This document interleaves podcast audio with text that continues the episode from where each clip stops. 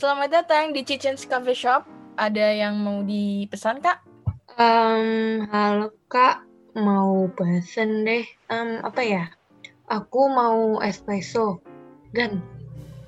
Gan. Apaan? Apaan? Itu mau pesen apa? Ah, ikutin lo aja lah. Ya udah deh. Berarti Mbak uh, espressonya dua. Baik, Express 2 ya. Atas nama siapa, Kak? Angel. Oke, Mbak Angel. Siap. Ditunggu ya, Mbak Angel. Oke. Oke.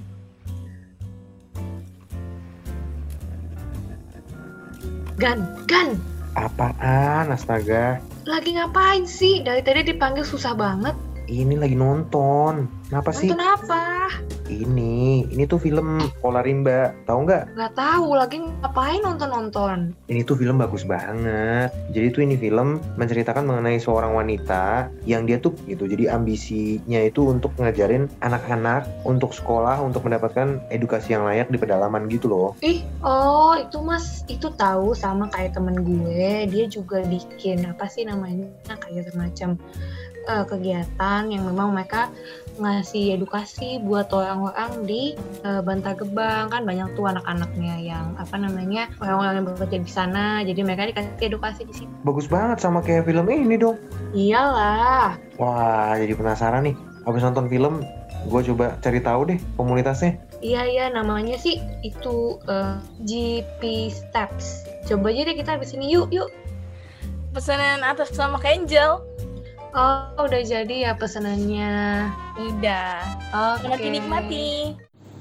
Cheat Change by We Make Change Indonesia. Hai hai hai, balik lagi di Cheat Change by We Make Change Indonesia.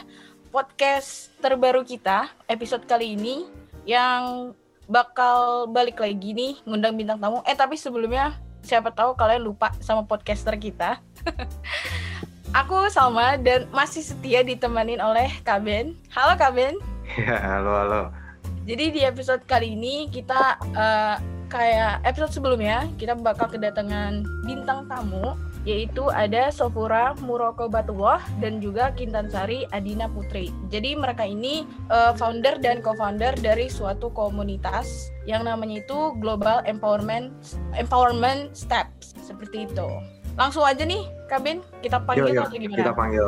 Oke. Halo Pura dan halo Kintan. Halo, Kak Ben. Kak Ben. Halo, Kak, apa kabar kalian nih? Alhamdulillah baik. Baik dong, alhamdulillah. Baik ya, thank you banget udah menyediakan waktunya di podcast kita di Change. Dan nanti beberapa waktu ke depan kita bakal ngobrol-ngobrol santai aja, diskusi, sharing mengenai sebenarnya apa sih uh, GPS ini gitu ya, biar change maker semuanya pada tahu dan bisa kenal sama kalian sehingga bisa tahu gerak-gerak gerakan-gerakan kalian dan mereka bisa follow kalian juga nih. Asik. Boleh banget tuh. Iya dong. Biar ter- Iya kan dong. tujuannya emang inspirasi change makersnya tuh. Siap. Oke deh, langsung aja nih. Boleh dari kalian masing-masing memperkenalkan diri dan juga mungkin sedikit tentang apa itu Global Empowerment Steps. Siapa nih mau jawab duluan? Sofura atau Kintan? Oke, aku dulu boleh. Oke, baik. Ya, halo teman-teman, nama aku Sofura, biasa dipanggil Fura. Sekarang kegiatannya itu masih masih mahasiswa di Universitas Pamulang, jurusan akuntansi. Eh, sekarang di Global Empowerment Steps aku jadi co-founder, khususnya di bagian marketing gitu. Uhuy. Oke, berarti Fura sebagai co-founder untuk marketing. Iya. Kalau Kintan sendiri? Um, aku juga co-founder dan di sini chief executive officer-nya juga sekaligus. Um, apa nih men- Betul. mendirikan GPS itu sejak ini karena sekaligus ditanya ya sekaligus Mhm. ditanya um, kurang lebih itu dua tahun lalu jadi GPS ini uh, singkatnya itu adalah gerakan kita berangkat dari gerakan sosial ya gerakan sosial pemberdayaan masyarakat di lingkungan uh, tempat pembuangan sampah terpadu ya di Bantar Gebang Bekasi kita ongoing menjadi social startup seperti itu Oh, oke. Menarik Oke. juga sih mau jadi startup. Gue gitu pengen, ya. pengen nanya pertanyaan intermezzo boleh nggak? Apa tuh, Kak? boleh dong Mas Gwen kenapa Gue penasaran Nggak, ini kenapa disingkatnya GPS padahal dia tulisannya Global Empowerment Steps? Good Harusnya question. GES gitu ya. Ya ampun, berarti jeli banget ya. Good questions. Eh, Oke, let me answer ya Kak Ben. Oke oke.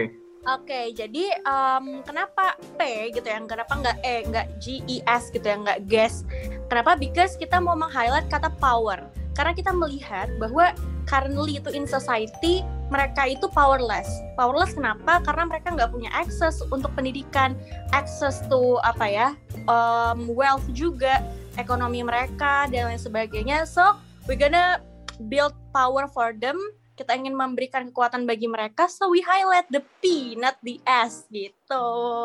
Simpelnya Oh, kayak Oke. Eh, bikin Eh. singkatannya nggak asal-asalan, ternyata ada filosofinya Iya. juga, gitu. Sal. There is, Gitu. betul. Nggak nggak sembaran gitu ya. Untuk mengangkat power. nggak nggak apa namanya? Ya nggak apa? Gue pengen ngomong apa sih? Nggak tahu. Nggak nggak pengen mentingin catchy-nya, tapi mentingin eh, esensinya ya gitu. betul. Betul. Asal kalian nggak berubah jadi Power Ranger aja ya. Oh iya dong. cerita. Itu Powerpuff Girl ya. Ayo Powerpuff Girl. Aku yang hijau deh, aku yang hijau. Iya. Aku Nggak ada yang nanya sih tapi. Makasih loh Kak Ben. Oke. Next nih, berarti kan tadi udah diinfo ya eh, GPS itu emang berangkat untuk maksudnya sadar gitu kalau orang di sekitar itu powerless dan kalian emang mau menyediakan power untuk memberdayakan masyarakat sekitar, betul? Betul. betul sekali. Iya, berarti eh, boleh diinfo nggak spesifiknya ini GPS ini berangkat dari isu atau kejadian fenomena tertentu gitu? Hmm. Batuk dulu. Jadi. Jadi berawalnya nih ya, berawalnya teman-teman seperti yang aku udah spill tadi, kita melihat mm, society yang powerless, but secara um, spesifik itu ketika kami waktu itu masih SMA, kebetulan aku sendiri di situ di jadi ketua OSISnya nih. Jadi ada Aduh. program program charity, aduh jadi sombong. program charity gitu ya. Ada program charity and then itu menjadi program unggulan dan lama kelamaan itu sustain kenapa ya kita harus hanya sifatnya BLT aja charity kan BLT ya bantuan langsung tunai gitu tapi itu tidak em, memberi dampak secara eh, mental kemudian secara apa power juga. Mereka mereka hanya diberi gitu. Mereka nggak berusaha mereka nggak berubah secara eh, cara pandang dan lain sebagainya. So we try to establish gitu membuat badan sehingga kita bisa bergerak lebih aktif lebih eh, gesit juga ke sana sini dan bisa bikin sesuatu yang sustain gitu Oke, Oh, Oke. berarti berawal dari charity, terus kalian mau mengembangkan, eh, maksudnya kegiatan itu biar sustain juga ya untuk Bener banget. sekitar. that's the main reasonnya That's really nice. Iya, gue mau respon dulu sih karena kan ini menarik karena mereka kalimat kok kalimat ya.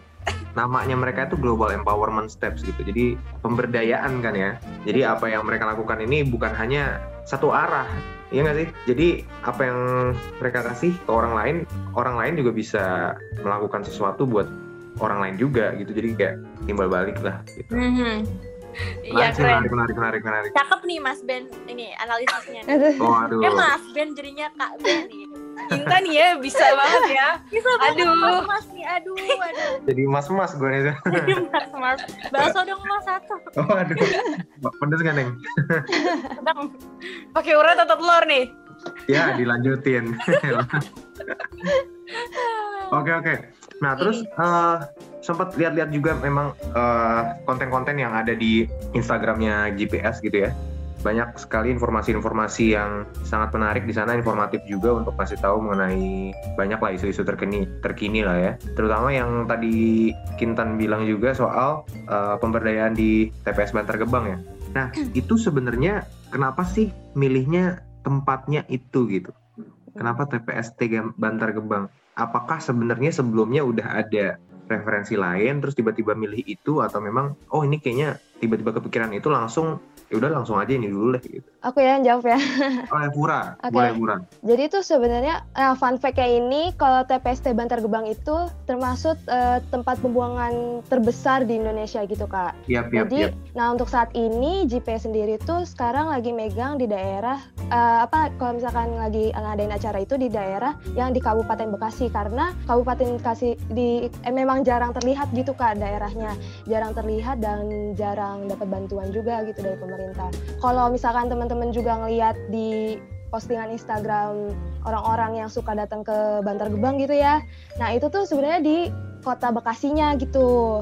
Terus untuk daerah uh, kabupatennya ini jarang banget dilihat dari pem sama pemerintah juga. Ya di sini kita mau ngebantu dan meningkatkan awareness teman-teman juga. Kalau Bantar Gebang tuh sebenarnya luas banget dan banyak daerahnya gitu yang masih belum tersentuh gitu kak. Betul sekali. Oke okay, oke. Okay. Jadi memang banyak peluang lah ya banyak. Iya.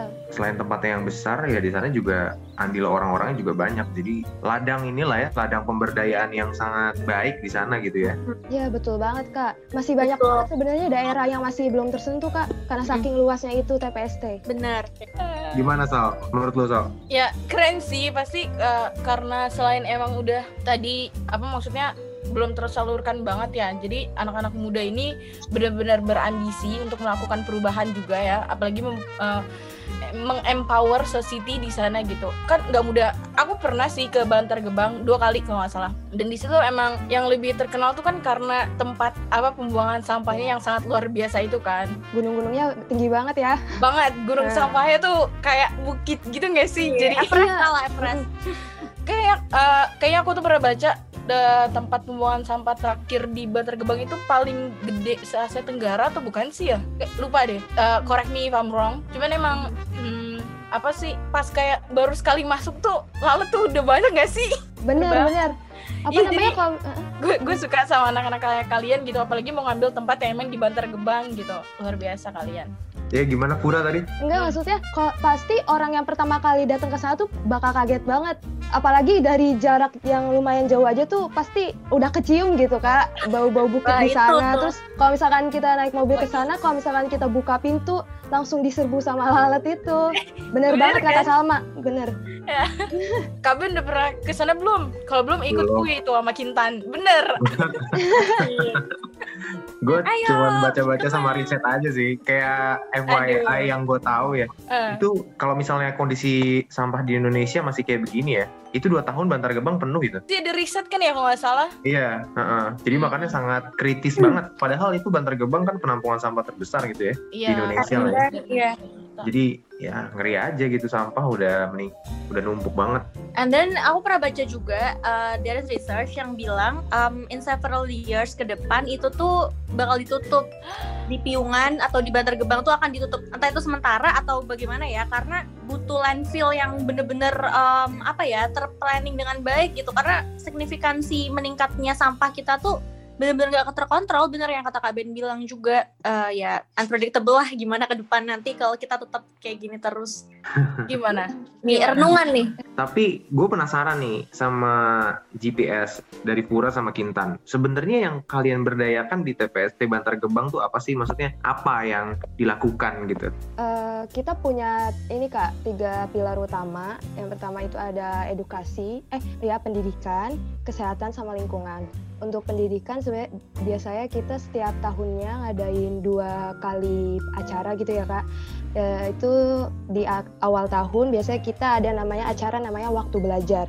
Itu di TPST Bantar Gebangnya. Di mana kita biasanya ngajar anak-anak tapi dari apa ngajarnya itu dalam bentuk kreatif dan beda lah dari yang biasanya mereka pelajari dari sekolah karena kalau dari uh, sekolah kan biasanya mereka pelajaran-pelajaran formal kayak uh, bahasa Indonesia gitu-gitu kan kak. Nah, betul, nah kalau kita sendiri lebih ke praktiknya juga sih kak. Kayak bikin sesuatu uh, dari apa dari uh, apa namanya kayak tali dibikin jadi topi gitu pernah. Oh. Kita, pimpin topi sih pimpin topi. Terus uh, apa namanya IT juga kita ngajarin kayak misalkan dari cara nyalain laptop terus cara ngetik. Bener-bener dari basic juga kita ngajarinnya kak. Karena uh, mereka untuk ke arah situ sa masih sangat minim gitu kak bahkan uh, anak yang um, se umur sekitar 14 tahun kalau nggak salah ya itu mereka masih belum bisa baca gitu kak. Oh. belum bisa baca ya jadi benar-benar kita yang uh, kita data dulu nih anak-anak yang udah bisa baca atau yang belum bisa baca.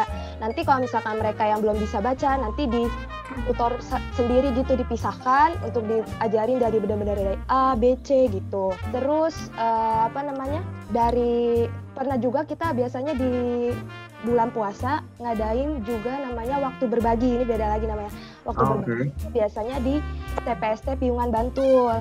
Nah pada saat waktu berbagi itu di tahun 2019 kita ngadain eh, cek kesehatan warganya gitu kak kayak tes apa tes apa Kintan waktu itu Kin? Kalau di ini eh, apa namanya? Cek, cek tekanan darah. Oh iya betul. Kemudian apa? Mereka kan banyak yang ngeluh ini juga ya. Eh, nyeri sendi kayak gitu. Karena kan mereka bungkuk mereka bawa bawa apa sanggahan bawa karung bawa ada yang Hmm. bentuk anyam gitu juga.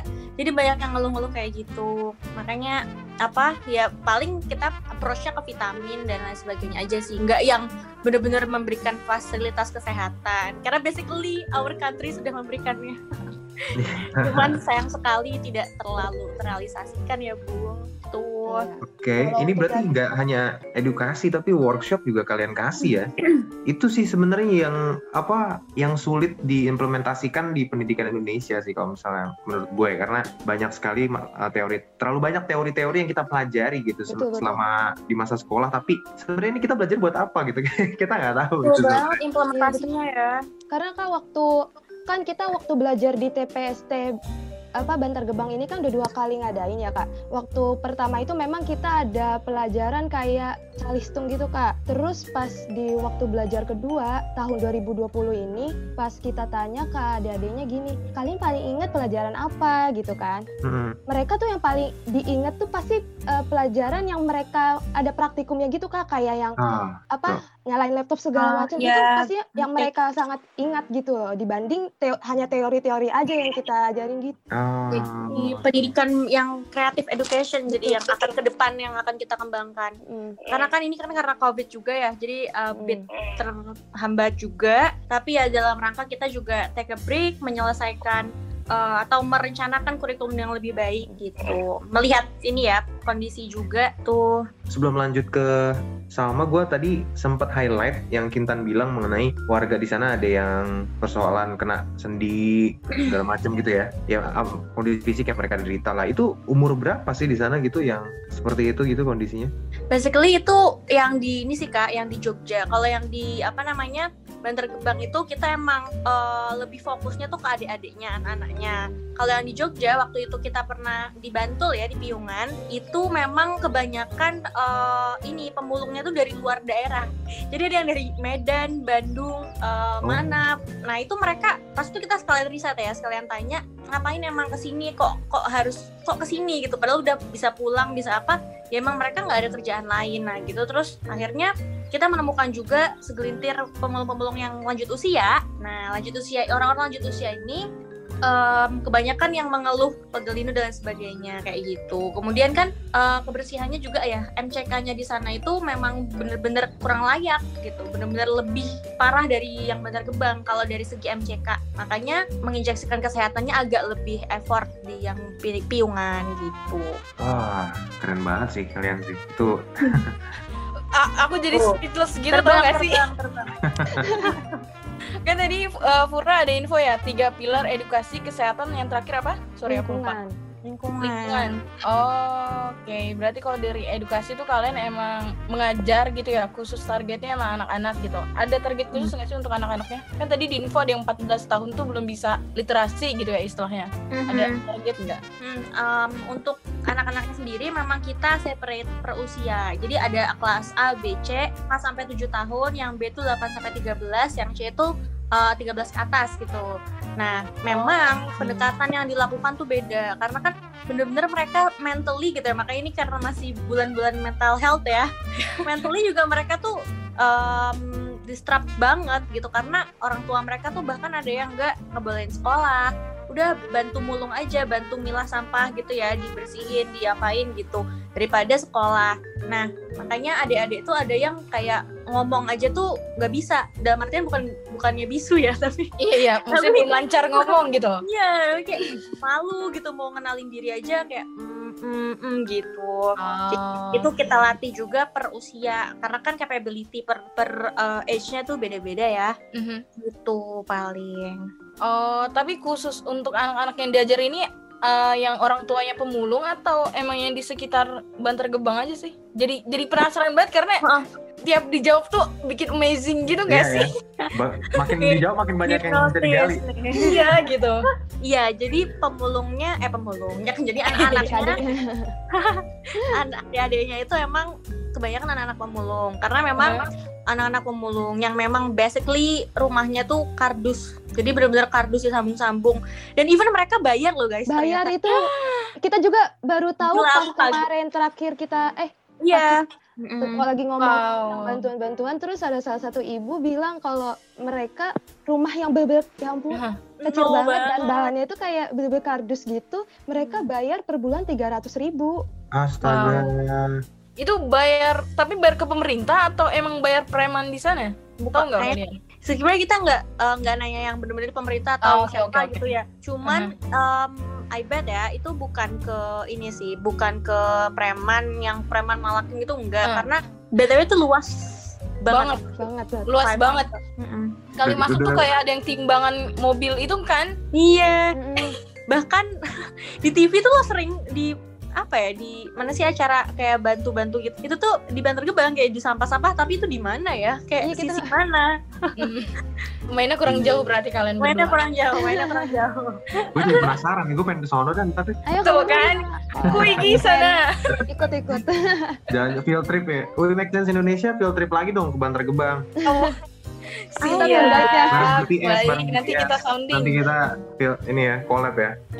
asik Eh, sempat diinfo juga ya, itu kesehatan itu maksudnya kalian tuh bansos gitu ya, bantuan sosial atau gimana sih?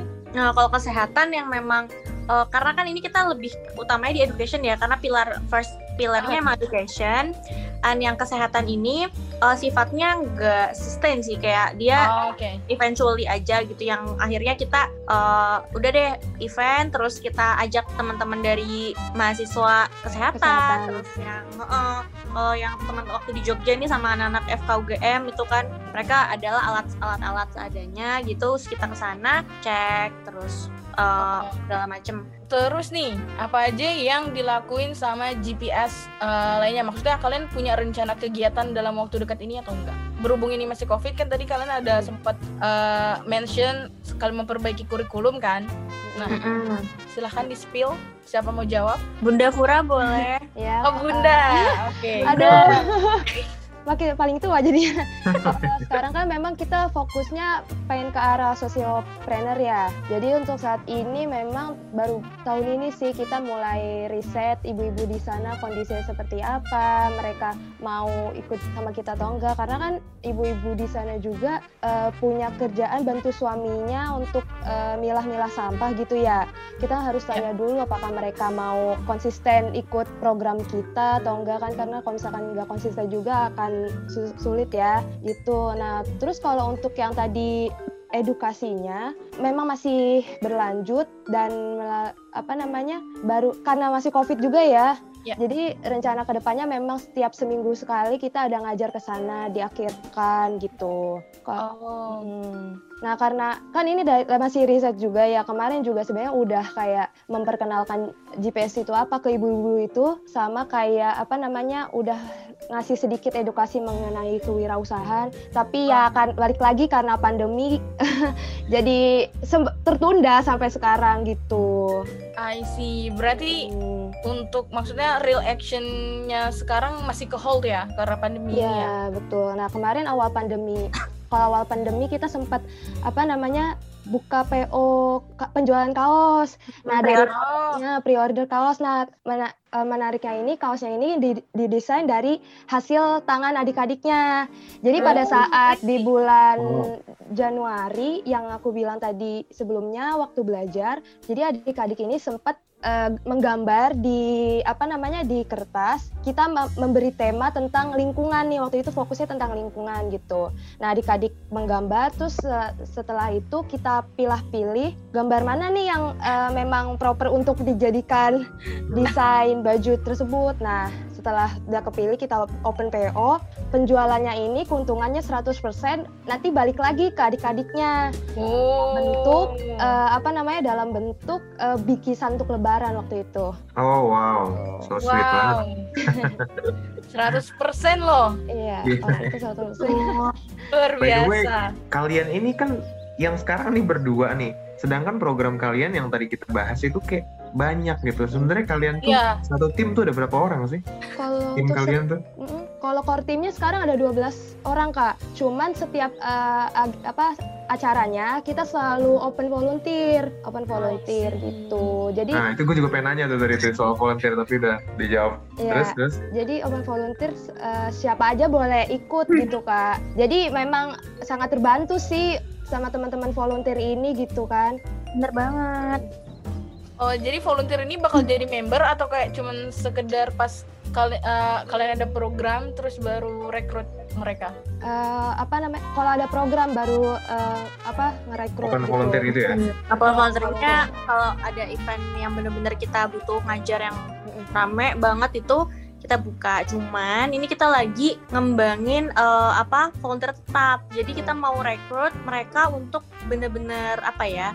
eh, sifatnya lebih ke lebih ke membership. Jadi lebih ke membership eh, rather than yang yang eh, incidental gitu. Biar mereka punya loyalitas yang tinggi juga gitu untuk mengabdi. Iya, iya. Berarti itu salah satu salah Tujuan. satu target yang mau dicapai juga ya berarti sama GPS Benar. Betul, betul. ya. Mm-mm. Oke, plus oke. plus mereka jadi bukan ambassador apa jadi ini ya jadi um, corong juga untuk publik bahwa uh, ini loh kita punya produk yang nanti mm, memang dihasilkan dari tangan-tangan teman-teman di Bantar Gebang dan kita membantu mereka tuh jadi ada inilah ada sounding juga ke ke publik gitu Oke.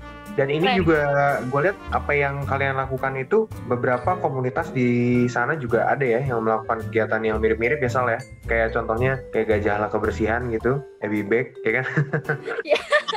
Mungkin Gajah. nanti teman-teman bisa saling sharing itu karena bagus banget sih apa yang kalian lakukan untuk masyarakat kembali lagi buat mereka lagi tuh keren banget sih kayak gitu. Iya, tujuh. Awal juga dari charity terus jadi sustain kan. Silakan silakan lanjut. Terus untuk eh, donasi nih, sebenarnya kalian ada nggak sih buka donasi gitu untuk anak-anak? Tadi kan sebenarnya udah sempat di-mention ya, tapi bisa diinformasiin lebih detail nggak soal donasi? boleh dong Mm, iya, Gimana, kayak gimana? gini. terus kayak boleh dong terus jeda gitu ya Iya, terus boleh dong tapi gitu.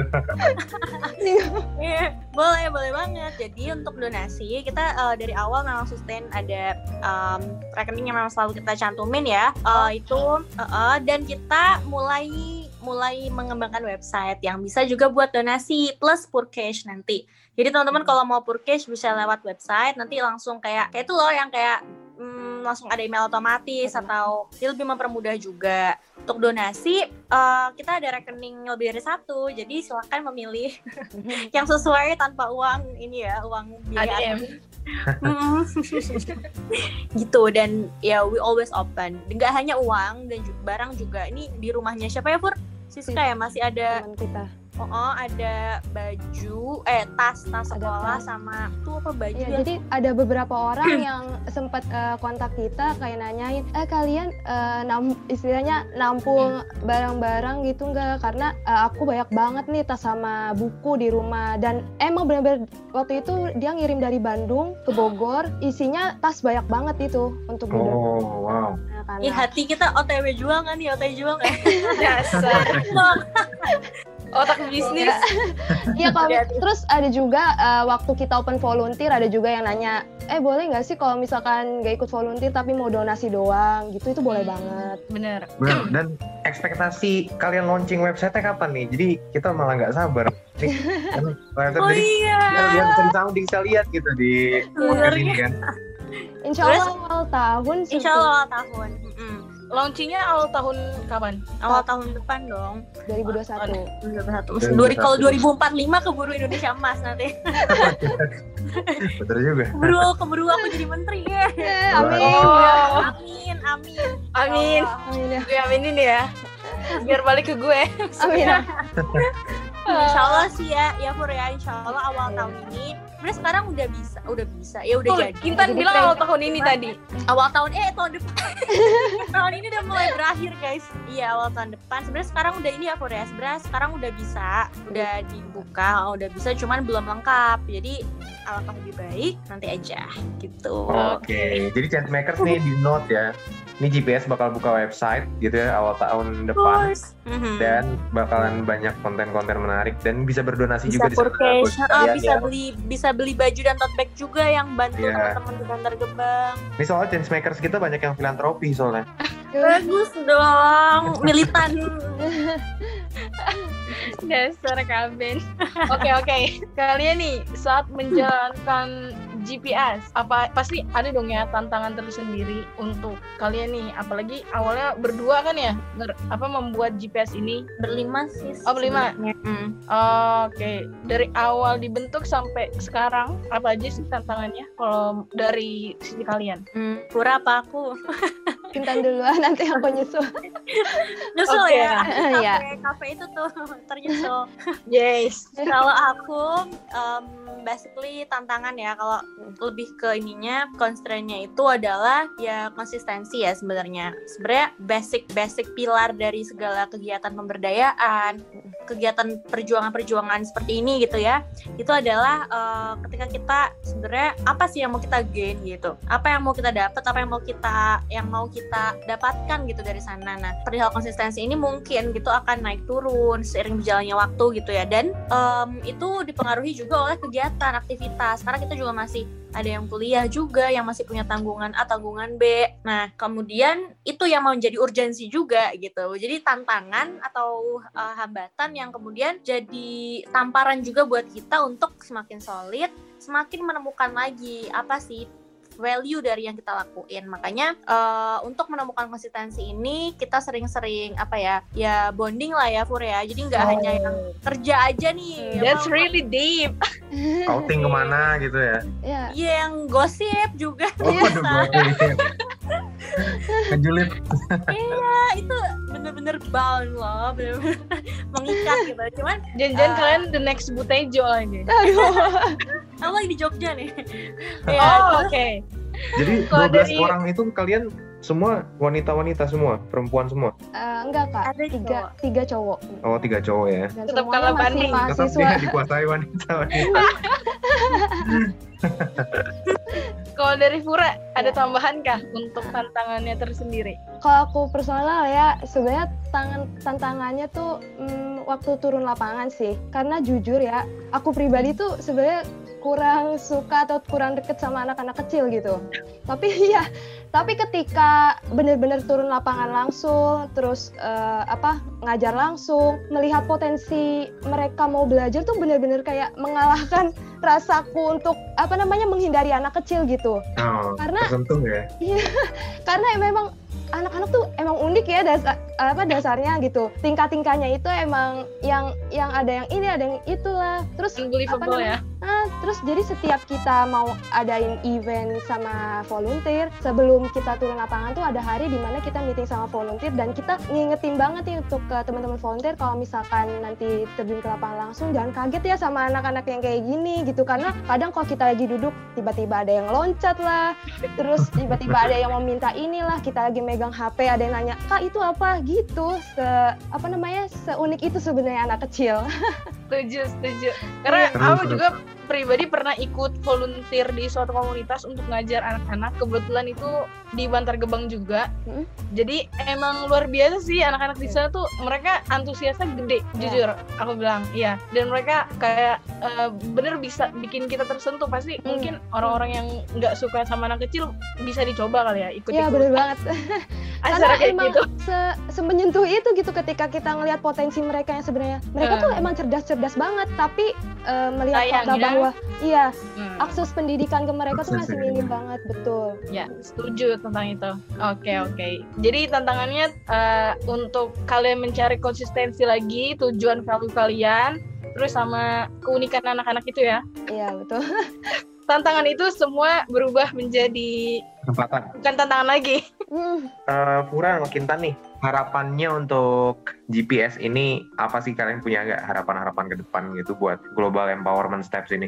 harapannya saya eh, bisa jadi wadah bertemunya para pemuda ya karena memang kita basicnya eh, berkolaborasi dengan para pemuda untuk memberdayakan apa namanya pemukiman di TPST itu dan masih apa bisa terus berkembang sehingga bisa menghasilkan berimpact berimpact besar gitu kepada masyarakat yang diberdayakan serta bisa menjadi apa namanya bermanfaat juga untuk pribadi-pribadi yang membantu gitu. Oh. Wah, Eh, kalau aku ini sekaligus ini ya sekaligus merangkum juga nih iniannya GPS Eh, berharap memang kita kan mau running ke social startup juga Mm-mm. karena basic reason atau problem yang kita lihat itu kita punya eh, ini ya punya konsumerisme yang tinggi gitu di anak muda yang suka beli ini beli itu segala macam belanja online gitu kan. Betul. cuman kenapa enggak gitu? Mereka belanja untuk kebaikan. Nggak hanya menggunakan aja tapi juga membantu. Jadi mereka membeli memakai fashion yang keren tapi juga membantu gitu. Betul. nah kayak kita berharap uh, kita menginjeksikan nama social purchasing gitu ya. Social purchasing um, untuk masyarakat anak muda terutama ya karena kita menghadapi bonus demografi gitu ya Ella. terus apa uh, dan masyarakat masyarakat luas dan anak-anak muda ini juga bisa saling menginspirasi satu sama lain saling memberdayakan satu sama lain untuk saling mengingatkan dalam uh, kerja-kerja kebaikan kayak gitu Sangat ini ya. inspiratif. udah cocok belum Udah cocok belum? Soalnya aku cuma eh, nggak bisa berkata-kata gitu karena baru kayak ketemu eh, dua co-founder ini memang apa ya bahasa mereka juga bisa bikin gue diem gitu loh. Diemnya karena apa nih? Karena emes, karena bingung dong. ya kan? Emes Oh. lah. Kalau nggak emes ngapain kita undang mereka di sini kan? Oh iya ya, Uh, bisa aja. Sabi itu ya. Oh iya dong. silakan mantap. Semoga harapan kalian bisa terwujud ya. Amin. Amin. Paling serius. Amin. Nah, eh, kalian selain harapan untuk GPS bisa eh, apa? Tolong dikasih pesan-pesannya untuk para change makers mengenai kebetulan kan bulan ini bakal ada Hari Sumpah Pemuda kan ya. Nggak nggak change maker lah, seluruh lapisan unit masyarakat karena memang ini kan global ya. Tapi emang fokusnya ke pemuda. Silahkan Pura atau Kintan pesan-pesannya. Oke dari aku dulu ya. Oke Eh, boleh.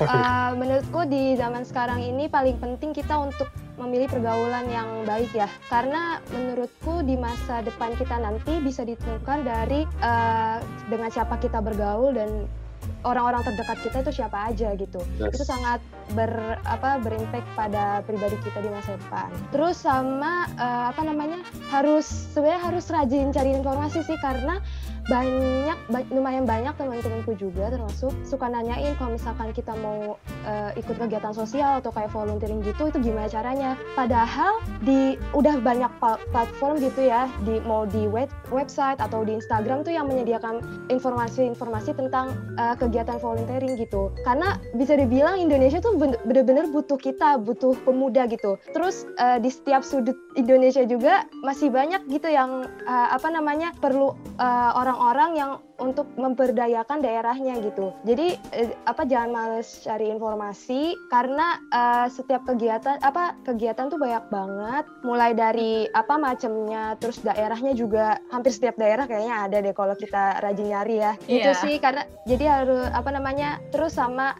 jangan males apa bergerak kalau menurutku ya karena mulai aja dari hal-hal kecil karena eh, hal-hal besar itu terjadi dari hal-hal kecil gitu. Amin.